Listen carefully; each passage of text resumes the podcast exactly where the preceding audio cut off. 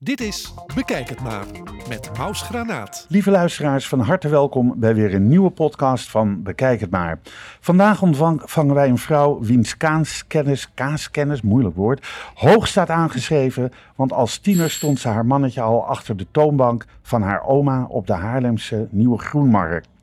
Uh, zo ontwikkelde zij langzamerhand haar passie voor kaas. Eerst maar verpleegkundige worden. En dan merken dat het bloed toch kruipt waar het niet gaan kan. Ze opende een kaaswinkel in Zandpoort Noord.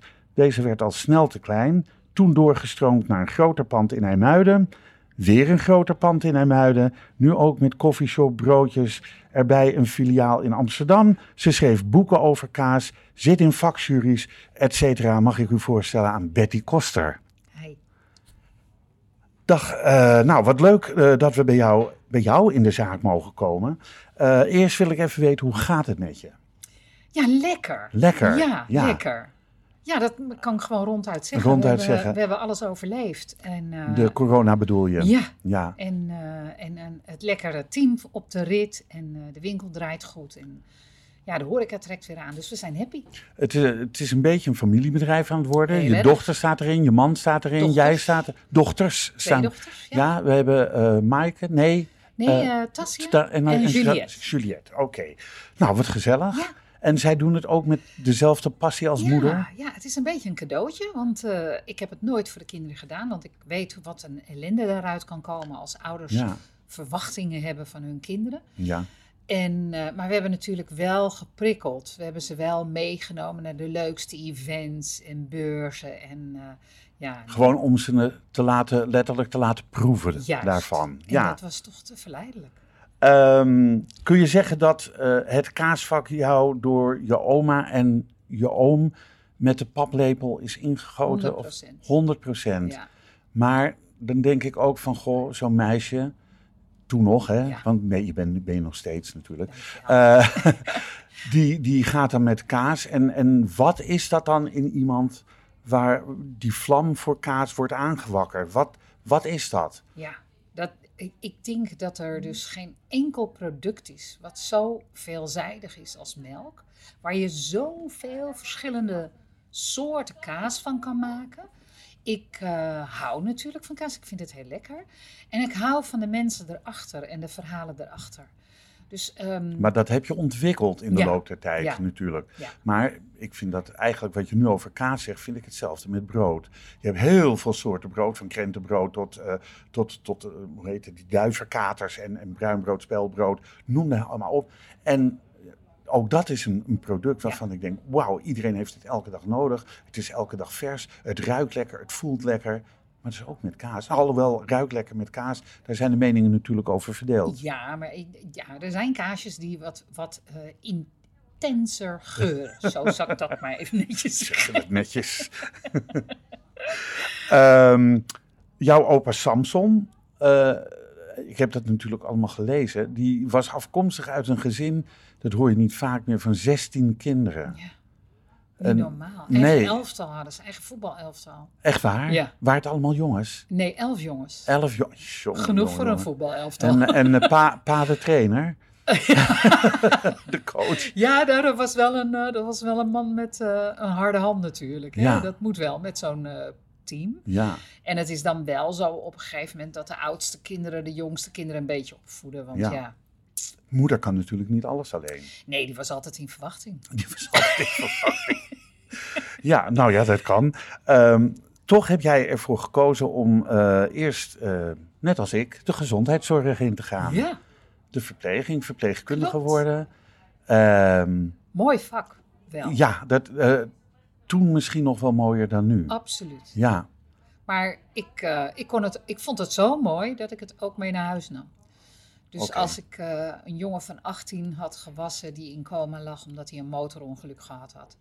Dan zat ik de hele avond op de bank te denken, oh, komt het nog goed? En eh, wat vreselijk. En als je toch zo afhankelijk bent. En dat, ik, ik liep ook stage op neurologie, dus dat was meteen een afdeling. Nou ja, als je dan toch eh, door de wol gewassen moet worden, dan maar meteen goed ja, dat was voor mij toch ehm, te intens. Mhm. En gelijkertijd eh, werd mijn oom ziek en die had echt hulp nodig in de winkel. ja. Dus toen dacht ik, ja. Heb je de opleiding afgemaakt? Nee. Ook niet afgemaakt. Oké, we hebben het niet meer over de gezondheidszorg, we hebben het over kaas. Want eh, in de kaaswinkel van je oma, daar stonden, eh, als ik het goed gelezen heb, al 40 soorten Nederlandse kaas. Ja, maar in die tijd ook al 40 soorten Franse ja, kaas. Ja, Waar kwam dat vandaan? Ja, Want dat was toen. er- ja, dat was heel uniek, hè? Ja, Het begon natuurlijk want met... over de- welke tijd praten we? we Het begin jaren 60? eh, eh, ja, nee, toch wel 70. 70. al dat ik daar was. Maar Ja. 60 is het, zeg maar, de Franse kaas zo'n beetje in Nederland binnengekomen met Abraham Kev ooit. En, eh, en toen wij de winkel hadden, dan kwam er een, eh, een firma aan de deur. Boering heette ze toen. En eh, die hadden een autootje. En dan kon- mocht je in dat autootje uitzoeken wat je wilde. Dus eh, toen ik eenmaal 18 was, dan, kon ik, dan vond ik in Dat was de grossier die op dinsdag kwam en Ja. dat je met je oom die auto indook. En dat je dan s'avonds de encyclopedie Juist. indook om, om te... om- om het op te zoeken. En toen sprak ik natuurlijk nog niet alle talen zo als dat ik nu doe. Dus ehm, op een gegeven moment leer je de talen spreken. En dan ga je gewoon bellen met die boeren. Van, joh, ik heb van jullie een kaasje. Kun je me wat vertellen? Wat voor Hm. ras koeien of wat voor... En dan krijg je ook een... Dat schept een band. Dan wordt het allemaal nog intenser. Maar En dan ga je er ook naartoe. ja, Maar eh, het is natuurlijk wel zo dat niet elke boer eh, kaas mag exporteren naar Nederland als ze niet voldoen aan de Europese wet en regelgeving. Ja, maar die zijn wel veel verdwenen hoor. Dat soort hele kleine boertjes die daar Oh, niet aan voldoen. Keuterboertjes. Die, Ja, die vind je nog op een marktje in zo'n dorpje met zo'n Ja. klein karretje, weet je wel. Ja, oh, die, dat, dat is nog wel Ja, steeds. maar En haal je daar dan nog wel eens wat van, of niet Nee. voor je winkel, maar voor jezelf? Ja, dat, als, dat ik, je, als ik het tegenkom, Ja? dan... eh, en proef je dan nog wel eens iets dat je denkt, wauw, dit heb ik echt, nou, dit heb ik nog nooit geproefd. Ja. Zo Ja. lekker? ja, of zo niet lekker. Ja, of zo beide. niet lekker? Ja, dat kan ook. ja. ik hou het graag positief. juist. heel goed, heel goed. Ehm, eh, hoe heet het? Eh, ik, ben, ik, ik heb jou ooit leren, nou, leren kennen eh, toen ik bij jou in de winkel in Velsen Noord kwam. Nee, sorry, in Zandpoort Noord kwam. Ja. En heb daar wel eens met tien mensen door mijzelf uitgezocht een workshop bij jou gedaan. En daarin vertelde je een verhaal over het ontstaan van Roquefort. Ja. Weet je welk verhaal ik bedoel? Ja, ja, Zou je dat nog eens willen vertellen? Ja, de, de zagen van Roquefort. Het is een saga. Ja, het is een zagen. Het is maar natuurlijk... het, is wel, het, is zou zomaar kunnen. Nee, het is gebaseerd op een aantal feiten natuurlijk. Want zo is Roquefort echt wel tot elkaar gekomen. Ja. Een herder in de bergen in Zuid-Frankrijk, in de Languedoc, eh is op pad met zijn schapen, hoedt de schapen en op, heeft zijn, zijn brood bij zich en zijn gedroogde maag met melk, want flessen had je in die tijd helemaal niet. En het begint noodweer te worden, de lucht wordt zwart, onweer breekt los en hij duikt in een grot om daar te schuilen. En eh, hij denkt, nou dan ga ik maar wat eten en drinken. En eh, hij had zijn fluit bij, bij zich, speelt wat op zijn fluit. En op een gegeven moment ziet hij buiten dat het zonnetje weer een beetje doorbreekt. Dus hij kijkt naar buiten, hij loopt de grot uit. En tot zijn grote verbazing ziet hij daar een heidi huppelen met twee blonde vlechtjes. En eh, ja, die zie je daar niet zoveel. Dus hij vloog zijn hormonen achterna. Vergat zijn brood, vergat zijn melk. En toen hij drie weken later terugkwam in die grot, toen dacht hij, oh, dat lag er nog. En wat was er gebeurd? Dat brood was onderhevig aan de circulatie daar helemaal verschimmeld. En die fles lag open. En die, die of fles, Fles die die maag, blaas, ja. die blaas. Ja. Nee, maag. Oh, maag, en die maag. die bevat een enzym waardoor die melk was gaan stremmen. En die schimmel was bij dat goedje gekomen en hij proeft het. En hij denkt, ja, maar wacht even, dit is lekker. ja. En zo is er ook voor ontstaan. Ja, wat grappig. Je, zei, je, je noemt het woord stremmen. Er, moet- er moet om kaas hard te laten worden stremsel in. Klopt. Eh stremsel is altijd afkomstig, tenminste, eh, van, van, eh, van melk van de koe. Of, Nee, eh, het, het is een enzym, enzym, wat ja, uit een ja. maag komt van een koe. ja, Dus het is ook zo dat het ontstaan van kaas gaat helemaal terug naar de nomaden, die altijd trokken door de hele wereld en hun hele hebben en houden altijd bij zich hadden. Mhm. En zij transporteerden ook hun melk in die maag. En Ja. zij kwamen erachter dat hoe kleiner de maag, hoe sneller die melk eigenlijk ja, vast werd. ja. Want dat was het. Ehm, kun je dan, iedereen denkt altijd kaas is vegetarisch. Eh, dat is dus niet zo. Nee, normaal gesproken niet. Al moet ik nu zeggen dat in, onder druk zeker van eh, alle campagnes die er voor het welzijn van de dieren zijn en toch minder vlees eten en minder vlees, vleesgerelateerde producten gebruiken, Ja. is er nu ook een hele grote eh, productie van microbieel stremsel. En microbieel stremsel wordt gekweekt uit schimmels. Oké. En dat is zo goed gedaan op het ogenblik. Dat heeft heel veel aanloopproblemen gehad. We hadden altijd heel, als we vegetarische kaas kochten wel eens, waren ze altijd heel erg bitter en hadden ze geen oogjes, maar scheurtjes. Maar dat hebben ze nu helemaal voor elkaar door dat goed te kweken. Ja. Dus eh, bij ons is nu ehm, wat wij onze lamuzekazen van jong tot oud, dus nog niet de overjarigen, zijn nu allemaal vegetarisch gestremd. Oké. En allemaal even lekker als Even dat ze lekker. waren. Ja, ik Ja. zit er bovenop. Want ik ben een angsthaas. Oh, dat is niet lekker. Nou, Nee, nee, grapje. ik ben bang dat het, dat Ja, het ja. zo'n effect heeft. Ja, snap ja, je? ja, ja, ja. Nee, maar goed. eh, dus, maar vegan kan het nooit zijn. Of Wat? bestaat er wel vegan kaas ook? Ja, ik vraag het omdat het. Heel voorzichtig zijn. Oké, Ik, eh, vegan eh, kaas bestaat niet. Dat kan niet. nee. Er worden producten gemaakt die doen denken aan kaas. Maar ik vraag me af, waarom zou je hele mooie, dure macadamia-noten vermalen en daar een schimmelcultuur aan toevoegen om iets te maken wat toch nooit kaas wordt? Dat is een goede vraag. Moet ik daarop antwoorden? Nou ja, laat iedereen daar zelf maar even Over- over, nadenken. Neem dan gewoon die noot. Die is zoveel lekkerder Ja. dan dat nepkaasje. Dat vind ik eigenlijk hetzelfde als nep hamburgers. Ja, Neem dan een hamburger. Of neem geen hamburger. als je zo vlees wil, zorg dan dat je vlees eet van een dier wat een goed leven gehad heeft. Nou, dan is dit afgehamerd. in, in ieder geval. Eh, je ging en gaat nog steeds naar het buitenland. Je gaat zelf naar Italië, naar Zwitserland, naar Frankrijk. Om, om kazen te ontdekken, om met boeren te praten. Eh, ehm, ben je een graag geziene gast inmiddels in, in die landen waar je komt? En eh, lukt het je ook om, om met die mensen te onderhandelen en bij die, bij die mensen kazen af te nemen? Ja, dat, is, eh, dat lukt gelukkig meestal wel. Ja, en, Natuurlijk, eh, iedereen wil wat verkopen. Dat, ja. En, en oh, ik ben geen onderhandelaar, zullen we dat voorop stellen? Ja, ik wil wel onderhandelen over het krijgen van de handel. Maar ik vind altijd wel dat die boer gewoon, als mits in het redelijke natuurlijk, het geld moet krijgen wat hij nodig heeft om te bestaan. ja, ja. Of om opvolging te hebben. En ik, eh, ik kom wel uit een generatie, dus mijn, mijn oom ja, en mijn opa, die kreeg echt handelaren huilend de deur uit op een halve cent. En dan zei hij tegen zijn dochter, die achter de toonbank stond, denk erom, hij mag niet weggaan. Dus hij, hij, als, hij niet terug, als hij niet terugkomt en hij gaat echt zijn auto in, dan moet je hem terughalen. En dan gaf hij die halve cent toch maar wel. En eh, ik heb altijd gedacht, dat ik, ik wil niet beduveld worden. Ik wil het mooiste van het mooiste kopen en verkopen. ja. Maar dan wil- wil ik geen tijd spanderen aan een... Je komt hier en het kost een kwartje meer en dan moet ik dat kwartje eraf praten. Waarom? Ja, ja, ja, ja. Daar heb je gelijk in. Inmiddels eh, heb je ruim 30 jaar een zeer gerenommeerde kaaszaak in Emuiden.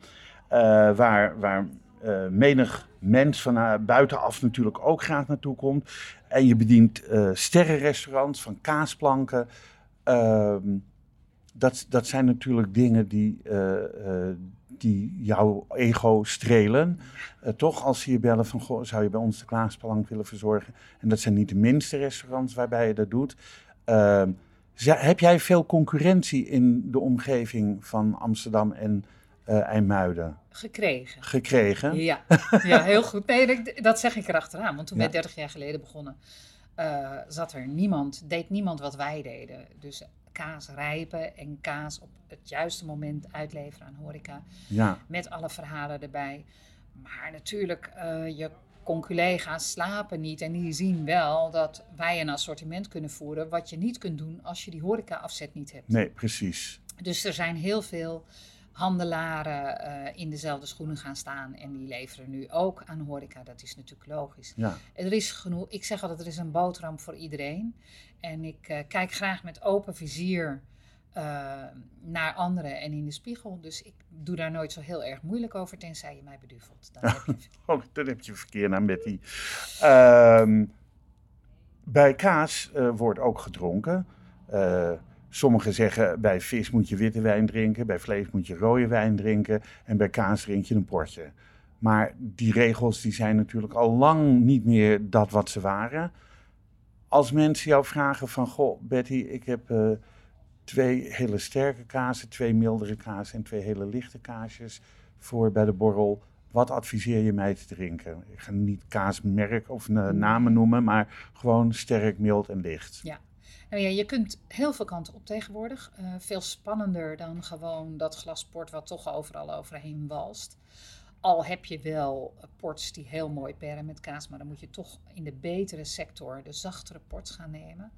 Um, thee is geweldig bij kaas. Thee? Thee is fantastisch. Thee schoont je mond, verwarmt je mond voor. Dus dat, dat kaasje komt in een schoon warm bedje en het geeft gewoon alles bloot. Zo mooi. En als je dan, maar je moet net zo peren als met wijn. Dus je, je kunt niet zomaar zeggen, ik doe mijn pickwick theetje en uh, dat past wel. Nee, nee, nee, nee, nee. We praten echt over kwaliteit thee. Ja. En dan ga je ook kijken uh, welke kaas past bij groene thee, zwarte thee, oolong. Um, je hebt natuurlijk ook hele leuke dingen als Pinot de Charente of versterkte wijnen die, die wel goed kunnen bij kaas. Maar dat doe je niet zo snel als aperitiefje. Um, dus als je het bij de borrel doet uh, voor het eten of ja, het, het allerfijnst vind ik champagne. Maar ja, dat is natuurlijk wel. ja, dat is gewoon ja, meteen. Dat is, uh, dat is weer wat anders. Ja. Um, ergens heb je gezegd en of geschreven dat wij wel wat trotser mogen zijn op het nationaal product. Ja. Bedoel je daarmee natuurlijk kaas? Ja. Oh. Maar waarom vind je dat wij niet trots zijn op kaas? Het, je vraagt dat jij natuurlijk op het exact goede moment. Want wat er nu gaande is met de boeren in, in Nederland en, uh, en de nieuwe stikstofwetten. Ik ga daar niet heel diep op in, want dat heeft geen zin. Dat is een, een heel, heel diep verhaal. Dat gaat veel verder dan waar de krantenkoppen over gaan. Ja. Maar in plaats van dat wij ons als Nederlander, als uh, volk wat afhankelijk is geweest honderden jaren van, van de producten van de boeren, het graan, het vlees, het, het, de kaas, het zuivel. We laten dit gewoon gebeuren. We laten die groep wegsaneren tot misschien een kwart overblijft. En die, dat product dus echt wel onbetaalbaar wordt. Zo Hmm. moet je dat toch wel een beetje gaan zien. En dan zeggen we over vijf jaar, wat hebben we gedaan? Maar je krijgt het niet zomaar meer terug. Nee. Want een boerenbedrijf wat van ouders op kinderen, dat, dat is heel veel geld dat- waard. Ja, Maar dat, als dat weg is, kan je dat niet zomaar even kopen en weer Ja. beginnen. Het is hetzelfde als de eh, afdeling cultuur bijna het hele ehm metropoolorkest had wegbezuinigd. Precies. Zo'n orkest bestaat 75 jaar. Dat krijg je niet als het weg is, dan komt Er het niet zit meer even een terug. advertentie in je hebt Ja, nee, dat gaat, zo gaat het En niet. dit is eigenlijk nog erger omdat het een basis is. Het is, Die- ja. die voedingsdingen, dat is een basis. En, Ja. en wij zijn in Nederland nou heel goed, erg goed in landbouw. Ja, En eh, in Frankrijk zijn ze goed in wijnbouw. En laten we dat dan respecteren en eh, handelen met elkaar. En zorgen dat we dat op zo'n milieuvriendelijk mogelijke manier kunnen doen. ja. En dan helpen we ze een stuk verder. Waarom is Nederland zo slecht voor zijn boeren? Waarom eh, eh, is, is de stikstof uit... Ja, daar gaan we het diep misschien op in. Maar waarom is dat bij de boeren zo groot? Het is niet zo groot. Nee, dat, dat, dat zeggen de boeren Nee. dus ook. Ja. Maar waarom vindt men dat? Men vindt dat omdat dat aangepraat wordt en de, er moet iemand sneuvelen. Boerenbedrijven hebben natuurlijk land. Land is nodig. We hebben Ja, we woningbouw hebben woning nodig. nodig, ja. En als daar dan stuksto- stikstofvergunning op zo'n stuk land zit, dan is dat heel aantrekkelijk voor, de, voor het Rijk om dat over te nemen van zo'n boer. Want dan kunnen ze daar meteen gaan bouwen en dan Ja. hebben we die woningnood weer opgelost. Maar we hebben ook met z'n allen afgesproken dat er een deel groen hart is in Nederland wat we moeten koesteren. Wat we groen moeten houden voor ons welzijn, voor, de, voor, de, voor het milieu. Ook juist voor dat milieu. Die grond heeft ook stikstof nodig. We, zijn, we, zijn, we gooien alles op het verkeerde paard. En eh, we zijn iets aan het aan slachten. Ja, Ehm, en, ik, en we denken in Nederland altijd van, ja, die boeren zeuren altijd, weet je. Boeren klagen altijd, dat is een gezegde. Nou, dat is echt niet zo. nee. En ik, ik, draag ze een ontzettend warm hart toe, maar er is in Nederland niet. De boeren gaan in protest, maar de Nederlander gaat niet in protest. En dat doet me zo'n pijn, want wij moeten voor die jongens opkomen. Ja. Niet, niet, de boeren zelf hebben het al zo druk. Ja. Ik sta achter je. Ik sta ook achter de boeren. Ik sta niet achter de boeren die er zo'n puinhoop van maken en politiebusjes in elkaar slaan. Nee. Maar je hebt altijd natuurlijk onder bepaalde groeperingen mensen die ultra-ultra zijn. En Klopt. daar gaat het dan een beetje bij mis. Eh, een beetje tussen aanhalingstekens. Ehm, maar de, de boeren moeten gewoon niet verdwijnen. En het is een, een cultuur die, die, die we moeten handhaven en koesteren, inderdaad. Juist. En dat is dus wat jij bedoelt met we mogen wel wat trotser zijn op ons Echt nationaal product. Duidelijk. In 2006 eh, schreef jij het eerste boek, Passie voor kaas. Waarom dacht je, ik ga een boek schrijven over kaas? En niet zomaar een boek, het is bijna een vuistdikke roman. Waarvan de helft natuurlijk foto's is waar, waar je de, Ja. de kaas op ziet. Bijna ruikt en proeft ook. Ja, het is Ja. echt wel een, eh, een naslagwerk geworden. Ja, het, er Dat was, is het ook, een naslagwerk. Er Ja. was, eh, daarvoor waren eh, alleen maar verouderde encyclopedieën. En er is in de afgelopen twintig jaar enorm veel gebeurd op het gebied van kaas in heel Europa. We, hebben verbeteringen, we hebben ook verslechteringen in de zaak van kleine boertjes. Hebben hun bedrijfjes verkocht en, en aan de grotere producenten en die zijn gaan pasteuriseren. Dus dat is ook gebeurd. Maar er was niet meer een naslagwerk wat accuraat was, wat klopte voor eh, wat er geboden werd. En omdat wij eh, dat juist altijd het verhaal vertellen, ontdek je dat dan. Dan kom je Mhm. dat nergens. En, en ja, nu kun je op internet wel veel vinden, maar ja, ook heel veel onzin natuurlijk. Ja. Dus ik dacht, het wordt tijd om dat gewoon te bundelen. Nou, het, het boek is niet meer te krijgen, Nee. Passie voor kaas. Nee. Waarom niet? Eh, de uitgever heeft eh, eh, geen herdruk meer gedaan. Want zij wilde daarna een boek maken waar. De uitgever was een Belgische uitgever. Oké. En zij wilde daarna een boek maken waar meer Belgische kazen in voorkwamen. Dus ik heb toen eh 500 favoriete kazen geschreven. En daar heb ik meer de focus op, ook op Belgische kaas gelegd. En eh, dat werd het, zeg maar, in plaats van een herdruk, het tweede boek. Ehm, hoeveel boeken heb je nu geschreven? Vijf. Vijf. Heb je, oh, dan heb ik nog niet de helft. Ik zit op twee. ik zit op twee, zit ik nu te kijken. Je krijgt er straks een bij van me die ik nog heb. Oh, maar inmiddels oh, zijn er ook eh, die niet meer. eh, ik heb een mini winkelen Prinsje geschreven. Oh, mijn Eh, vingerprinsje, en ik heb samen met Juriaan Geldemans eh, Het Lieve Leven van de Familie Kaas geschreven. Oh, Die leuk. ga je straks van me krijgen. Oké. Die leuk. En dan Hollandse kazen en eh, die 500 favorieten. Dat zijn er vijf. Dat is mooi. Ehm, je schrijft boeken. Je staat in de winkel in IJmuiden. Je staat in de winkel in Amsterdam. Want iedereen wil jou ook zien af en toe natuurlijk. Dat, maar dat is zo. Het eerste wat ik vroeg toen ik hier kwam, is je moeder er niet? ja, maar dat is, dan Ja. wil je weer eventjes dag zeggen of Ja. even bijpraten. Of, maar iedereen wil dat. Je hebt een huishouden, je gaat naar eh, landen toe om kaarsen te kijken, in te kopen, eh, te proeven. En eh, je hebt een man, je hebt kinderen. je- heb je nog wel tijd om iets leuks te doen of vind je alleen maar je werk leuk? Oeh, dat is tricky question. Eh, nee, ja, ik, ik heb hobby's, maar ik kom er nu niet aan toe. Dat is al sinds corona niet meer. Dat is wel een beetje jammer. Wat zijn je hobby's? Ik hou heel erg van olieschilderen. Oké, olieverf. Olieverf, Ja, Oh, met de. Met olieschilderen. Olieverfs. Ja, ja, ja. Dat vind ik vreselijk leuk. Koken is mijn hobby. Dat doe ik natuurlijk wel iedere Ja. dag. Dus eh, dat is eh, een passie van me. En ik lees graag. En ja, is het wel. Maar voor lezen moet je toch ook een paar uur stil kunnen Ja, zitten? dat, dat lukt Of dus ben je nu ook meer. iemand die een luisterboek koopt en eh, dan eh, aan het koken is terwijl je aan het lezen hoort, bent? Nee, dat is wel een luister. goed idee. Maar dat is wel iets. Eh, ook het luisteren van podcasts. Ja, dat hoor ik van erg- mijn mensen. Ja, Ik stond dus gisteren in Amsterdam. Ja, En, en toen vertelde het team dat zij allemaal naar podcasts luisteren over kaas ook onder andere. En toen dacht ik, ja, dat is, maar ik ben van de generatie dat dat nog niet zo bekend was, denk ik. Ja. Ja. Dus, maar het eh, wordt steeds bekender. Ja, ik heb 26 jaar radio gedaan, maar nu eh, voor het tweede jaar podcast. En ik eh, ga dan ook eventjes mijn lijst na bij wie. Maar ja, goed, ik was hier in de winkel, dus ik, ik ga Betty ook vragen. leuk. Dus eh, ja, voor deze. eh, maar goed, eh, wat voor advies geef je aan mensen die niet van kaas houden? Mensen die niet van kaas houden, dat zijn mensen die zeggen: Oh, een babybel vind ik zo heerlijk. Oh ja. Dan denk die- ik: Dat vind ik dus kaas voor mensen die niet van kaas houden. maar wat, hoe...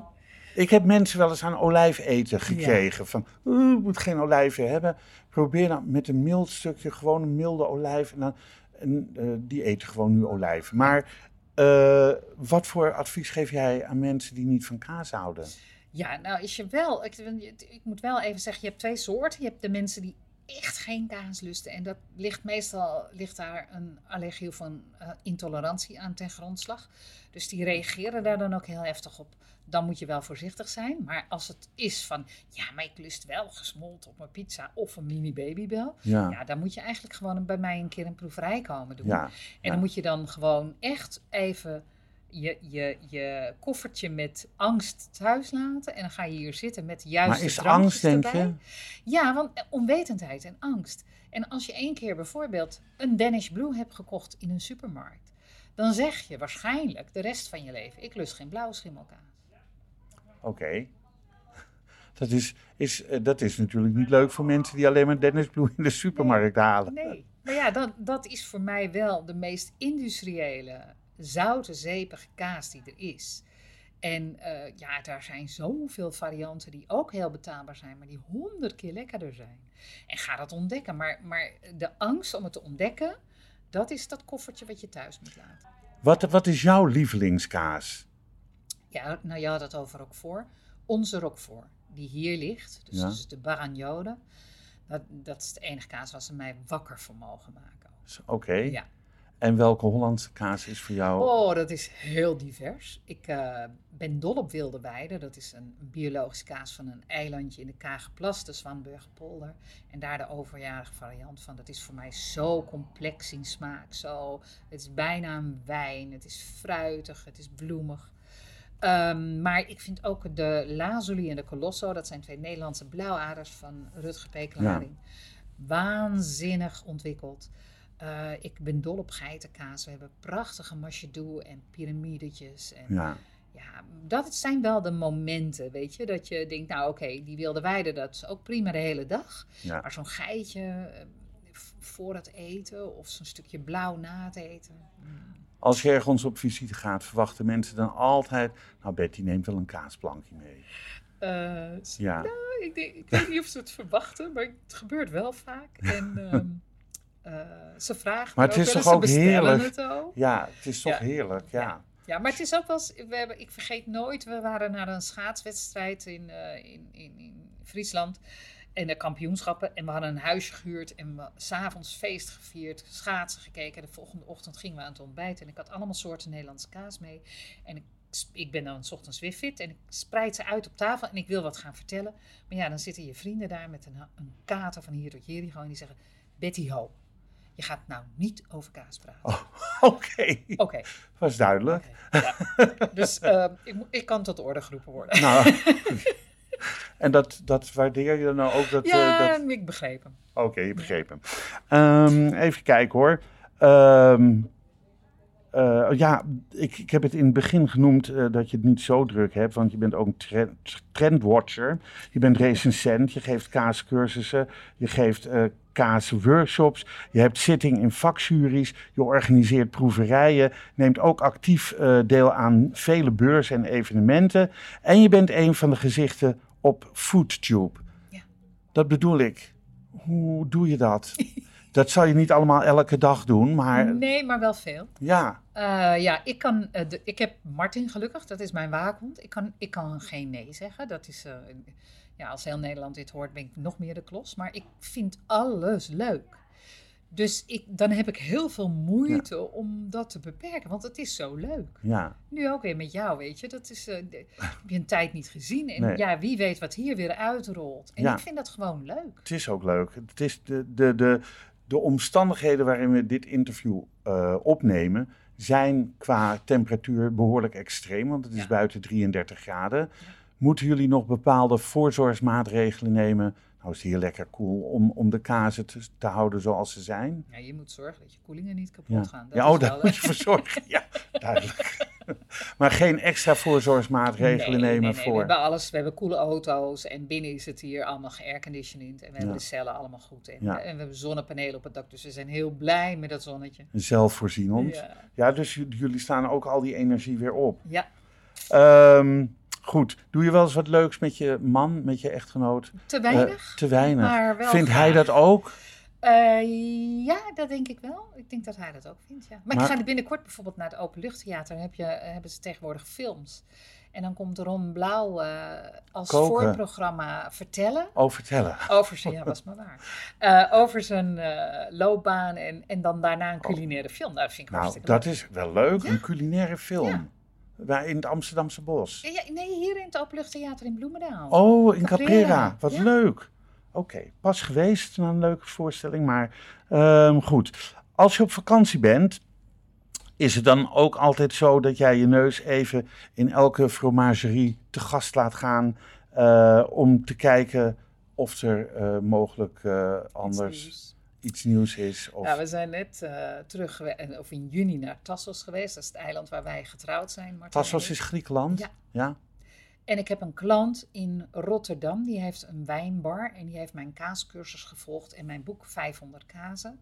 En in die wijnbar doet hij een soort Julia Child. Hij gaat mijn hele kaasboek serveren, iedere week een nieuwe kaas uit het boek, met een wijn die hij erbij gepaard heeft. Nou, Dus ik moet al die kazen uit dat boek weer krijgen. En als ik dan in Griekenland ben, dan pak ik mijn moment en dan koop ik alle Griekse ga ik alle Griekse kazen weer zoeken die Ja. in mijn boek staan.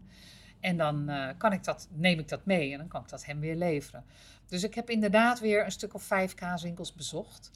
En eh, aangenaam verrast, want ook daar gaat de kaas een andere kant op. Als eh, dessertplankje en borrelplankje. Oh ja, wat Dus. Heel leuk. Ik hoor Griekenland en dan denk ik meteen, ja, of het is Cypriotisch volgens mij, aan halloumi. Ja. Vind je halloumi kaas? Ja, dat is het wel. Het is echt een kaas. En eh, ja, dat zijn wijkazen vaak, die van wij Het is gemaakt harde, een harde kaas die je moet bakken. Ja, het is een Witte kaas. halfhard, ja. Ja, Ja, je moet het bakken. En als het goed gebakken is, is het fantastisch. Maar Ja. als je het niet goed bakt, dan heb je gewoon rubber. ja, ja. Ja. Maar het is natuurlijk geen hoogstandje. Maar ja, dat kun je van vetten eigenlijk ook zeggen. Dat is iets wat je in je salade doet. Maar ja, Ja. ik proef toch wel verschil tussen een echt een hele goede feta of eh, een Deens koemelkproductje wat verkocht wordt als Als feta. of zo. Ja, oh ja, oké. mag toch geen feta meer eten. Ehm, zou je weten hoeveel soorten kaas er wereldwijd zijn? Nou, dat verandert natuurlijk ook continu. Ja, maar Eh, ongeveer. Eh, ik, als ik het zou moeten schatten, dan zou ik zeggen 5000. 5000 soorten. soorten wereldwijd. Ja, Want elk land, maakt elk land überhaupt kaas? Niet, Is, niet elk. Nou ja, dat begint steeds meer. Maar Azië was natuurlijk een probleem. ja, Want Aziatische mensen drink- dronken geen melk en konden dus ook eh, de lactose niet verteren. Als je dat generatie op generatie nooit gebruikt. ja, dan, Dus ik weet nog wel dat ik eh, een jaar of 25 geleden bij een Chinees restaurant was van een vriend van ons. En ik zei, jullie, ja, hou je niet van kaas? En vind je dan helemaal... Ja, maar wij hebben gefermenteerde soja en dat is onze kaas. En dat mocht ik toen ook proeven. ik Ja. zie aan je gezicht dat je het niet zo lekker vond. Nee, maar ja, dat vond hij van mijn kaas, denk ik. Oh, kijk, ja, dat zou kunnen. Ja. En inmiddels, eh, inmiddels verandert dat. En Ja. zijn er in China ook gewoon kaasfabrieken. Hmm. En Japan is heel erg up, upcoming met hele mooie soorten. Dus eh, ja, het verandert continu. Nou, bestaat er ook een kaas die je bijna bij geen kaaswinkel kan krijgen. Ik heb hem volgens mij ook niet bij jou gezien in de hele gauwigheid dat ik voor je vitrine stond. Dat is meikaas. Ja. Het is een hele jonge, 1 Ja. tot 9 dagen gerijpte Ja. eh, witte kaas. Amsterdam Zacht. ligt hij wel hoor. Ja, nou, oh, bij, bij jullie in de winkel in. Amsterdam wel. Ja, ik haal bij de Hanos, want dat is het enige waar ik hem bijna kan krijgen. Eh, waar, waarom wordt dat zo, zo anders of bijna niet verkocht? Hij is heel bederfelijk. Ja, Ja, hij is natuurlijk eh, snel bederfelijk. En het is een, eh, van origine een Joodse kaas. Het heet er daar ook wel rab. En die, die, eh, die boer die het maakt, die maakt ook nog steeds rabbinaal gewijd. Dus die heeft ook de kosheren variant ervan. ja. Ehm, en de jonge consument zijn daar niet mee opgevoed. Dus die eten dat eigenlijk helemaal niet. En als je de eerste keer een stukje meikaas eet, dan denk je misschien, wat is dit eigenlijk? Want het is glad, nat, Maar lekker. En licht, ja, ik Een vind beetje het ziltig. heerlijk. Ik vind het ook heerlijk. ja, Ja. ja. maar ik ben Maar ik laat het wel eens aan mensen proeven. Hm, oh, lekker. Oh, echt? Ja, toch ik, wel. Ik, ik, ik, eh, laat het in, eh, in Amsterdam wel eens aan de mensen waar ik mee werk. En die zeggen allemaal, ja, moet er niet wat op of zo. Ja. Eigenlijk, ja, eh, ehm, eh, zou het misschien wat zijn als je een plakje afsnijdt. Gewoon mooie kleine blokjes. En dat aan mensen en kijken hoe ze reageren. Gewoon met een prikkertje erin. Wat niet weet, wat niet deert. Gewoon proef maar. Oh, dit is wel heel leuk om een Ja. keer te doen. Dat gaan we Ja. hier een keer doen. Vind ik Ja, leuk. dat is leuk. Laat mensen proeven. Ja. Ja. En dan gewoon al voor de reactie. Gewoon no- kijken, no Wilt u dit eens proeven? Oh, lekker. Of misschien niet lekker. Nee.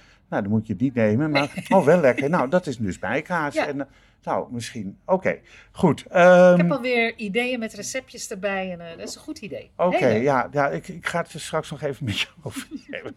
Ehm, ehm, er zijn natuurlijk eh, he- heel veel, nou, als ik het zo mag noemen, familiekazen. Eh, je hebt witschimmelkazen, of moet je witbacteriekazen Nee, zeggen? witschimmel blauwschimmelkazen, Ja. roodschimmel Nee, of roodbacterie. Ja, Zie je wel. Eh, halfharde kazen, Ja. harde kazen, zachte kazen, eh, verse kazen, koemelkse kazen, geitenkaas, rauwmelkse kaas. Ehm, maar die families zijn natuurlijk ook weer in diverse groepen onderverdeeld. Hoe, hoe, onderscheid, Hoe onderscheid? Ja, hoe onderscheid je, wil ik niet zeggen, maar hoe stel jij je kazen samen die je wil verkopen? Want Ja. je zegt er zijn 5000 ka- soorten kaas ongeveer, maar ik zie hier geen 3000 soorten Nee, liggen. Hebben, Maar dat kan ook niet. we hebben dik in de 400. Ja, En, eh, nee, je gaat, je gaat eh, kijken naar, ik kijk naar mijn klant. Wat vinden ze lekker? Waar gaan ze voor? Krijgt u mensen die eh, wat gewend zijn of weet je dat helemaal niet? Dan hou je een beetje soepeler. Wat drink je erbij? Heel belangrijk. Is het drankje centraal of is de kaas centraal? Gaat het om de kaas? En dan ga je zeggen, oké, als we een kaasplateautje nemen... Oneven is het mooist als je het serveert op een Ja. ronde plank of een rond bord. Zorg dat je ehm, een opbouw hebt van zacht naar pikant. En drie of vijf is al mooi. En als je vijf neemt, dan kun je eigenlijk die families allemaal wel pakken. Want er zijn overlappingen. Dus je kan een rauwmelkse, halfharde roodflora hebben. ja. Snap je? Nou zeg je roodflora, is het ja, hetzelfde als roodbacterie? Ja, maar mensen willen het woord bacterie niet horen. Oh, dus oké, roodflora Ja. kazen. Oké, En, eh, en je kan een, een witschimmel van geit hebben. ja. En zo kun je dan eh, ervoor zorgen dat je een heel divers plateautje hebt met drie soorten. ja, ja. Maar daar, wil, daar stoei ik altijd wel heen. Oké, maar dat is wel leuk om mensen dan ook, eh, ehm, nou ja, die mogelijkheid te geven dat ze dat, dat hele eh, pluk- plukje compleet hebben Ja. en daarmee aan de slag En kunnen ze mogen thuis. En- natuurlijk altijd bij me proeven. Ja, hè, want ik ja, wil niet dat ze naar huis gaan met iets wat ze niet lekker vinden. Nee, dat snap ik. Dat snap ik. Ehm, is er een manier om. ehm, ja, we hebben het er straks al over gehad. Wat voor advies zou je geven aan mensen die niet van kaas houden? Maar mensen die niet van kaas houden, toch kaas te leren eten? Of is, zeg je dat kan alleen maar via een workshop bij mij? Nee, eh, ga, kijk naar de kwaliteit. Want als je de verkeerde kwaliteit hebt gehad, dan houdt het op. En kijk naar de structuur, want heel vaak is het ook een structuurgevoel bij mensen. Eh, ik zeg altijd, als kinderen in de winkel komen van 14, 15 jaar lusten geen kaas, Ja, dan is het de schuld van de moeder. Want die is waarschijnlijk begonnen na het fruithapje met een of goudkuipje smeerkaas of een plakje jonge goudse wat uit de koelkast oh, is, werkt dat zo? En dan komt, moet je je voorstellen, dan heb je als baby alleen maar warme melk gehad en het eerste fruithapje. En dan komt er zo'n koud, nat plakje kaas in je mond. Koud en nat, smaakt nergens naar. En dat kan je niet op kou, want ze hebben nog niet een gebit. En dan plakt dat een beetje in die mond. En dat kan traumatische gevolgen hebben voor de toekomst. Hm. Als je een stukje oude parmezaan had gegeven of een stukje oude goudse, Ja. dan had je eh, dat niet gehad. Want dan heb je structuur. En mensen Ja. zijn daar bang voor dat ze te veel zout geven. Maar in Italië geven ze zuigelingen parmezaanse kaas. Alleen al Ja. voor de opbouw van het gebit. Ja, top. Ik heb jou ook wel eens horen zeggen: Old Amsterdam is niet oud. Nee. Twee maanden gerijpt of drie maanden. vijf, ja. Maar geen 15, nee. Nee. Maar wat, wat doen ze om dan Ja. toch zo'n oude kaas te krijgen? Er een, Want er moet er to- toch iets vermoord worden of zo? nou, Nou ja, ze, nou ja, Ze kweken een zuursel. een zuursel is het tweede ingrediënt. Hè? Dus we hadden het over stremsel, maar Ja. zuursel moet er ook in. En zuursel is een reeks van bacteriestammen. Vroeger zat dat in de wei van de vorige dag of in de karnemelk, maar tegenwoordig kweken we dat.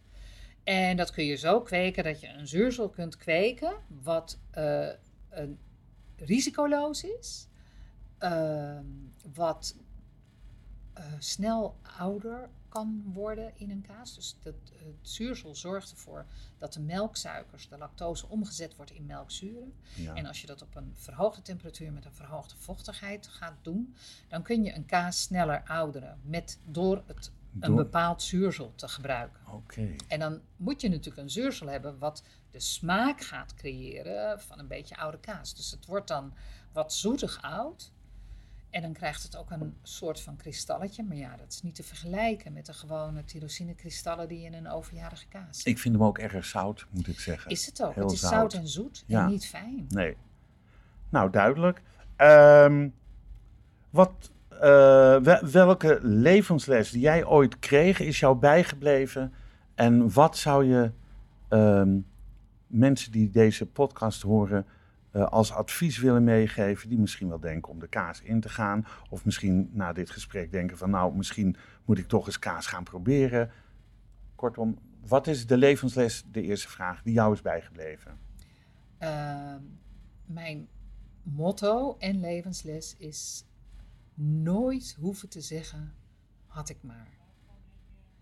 En dat is hier een heel mooi voorbeeld van. Je bent ergens en iedereen zit te smullen van die kaas. En jij denkt, ja, ik, ik hou niet van kaas, dus ik ga het niet proberen. En je hoort later dat er zoiets unieks op tafel had gelegen, wat je nog nooit gegeten hebt. En dan denk je, had ik nou toch maar... Dat moet je niet willen zeggen. Maar dan niet alleen gerelateerd aan kaas, maar gewoon aan alles. Aan een opleiding die je wil doen of niet gaat doen. Of, We gaan in Amsterdam verhuizen. Ja. Eh, er komt een grote pand vrij waar we meer ruimte kunnen creëren voor de klant en de mensen achter de toonbank. ja, En dan kan je denken, ja, ik ben 61, ik heb het wel gehad. Nee. doen. En ik wil niet zeggen op mijn 63ste, Had oh, had ik maar. Oh, dat is wel, wel een heel mooi motto.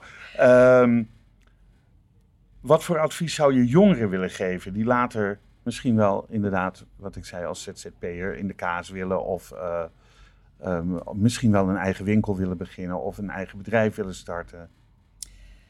Ehm, onderschat niet eh, wat je gaat doen.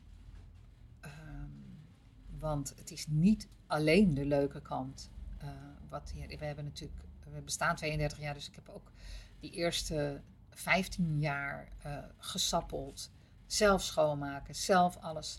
En nog, ik vind het nog irreëel om s'avonds om half zes te zeggen: Nou, het is schoonmaaktijd, ik ga naar huis, jullie redden het Oh ja, wel." ja, ja, ja. Dus we helpen. Ehm, het is niet alleen dat stukje wat je doet met verkopen. En ehm, het doet heel erg pijn als je dingen weg moet gooien omdat het niet meer eetbaar is.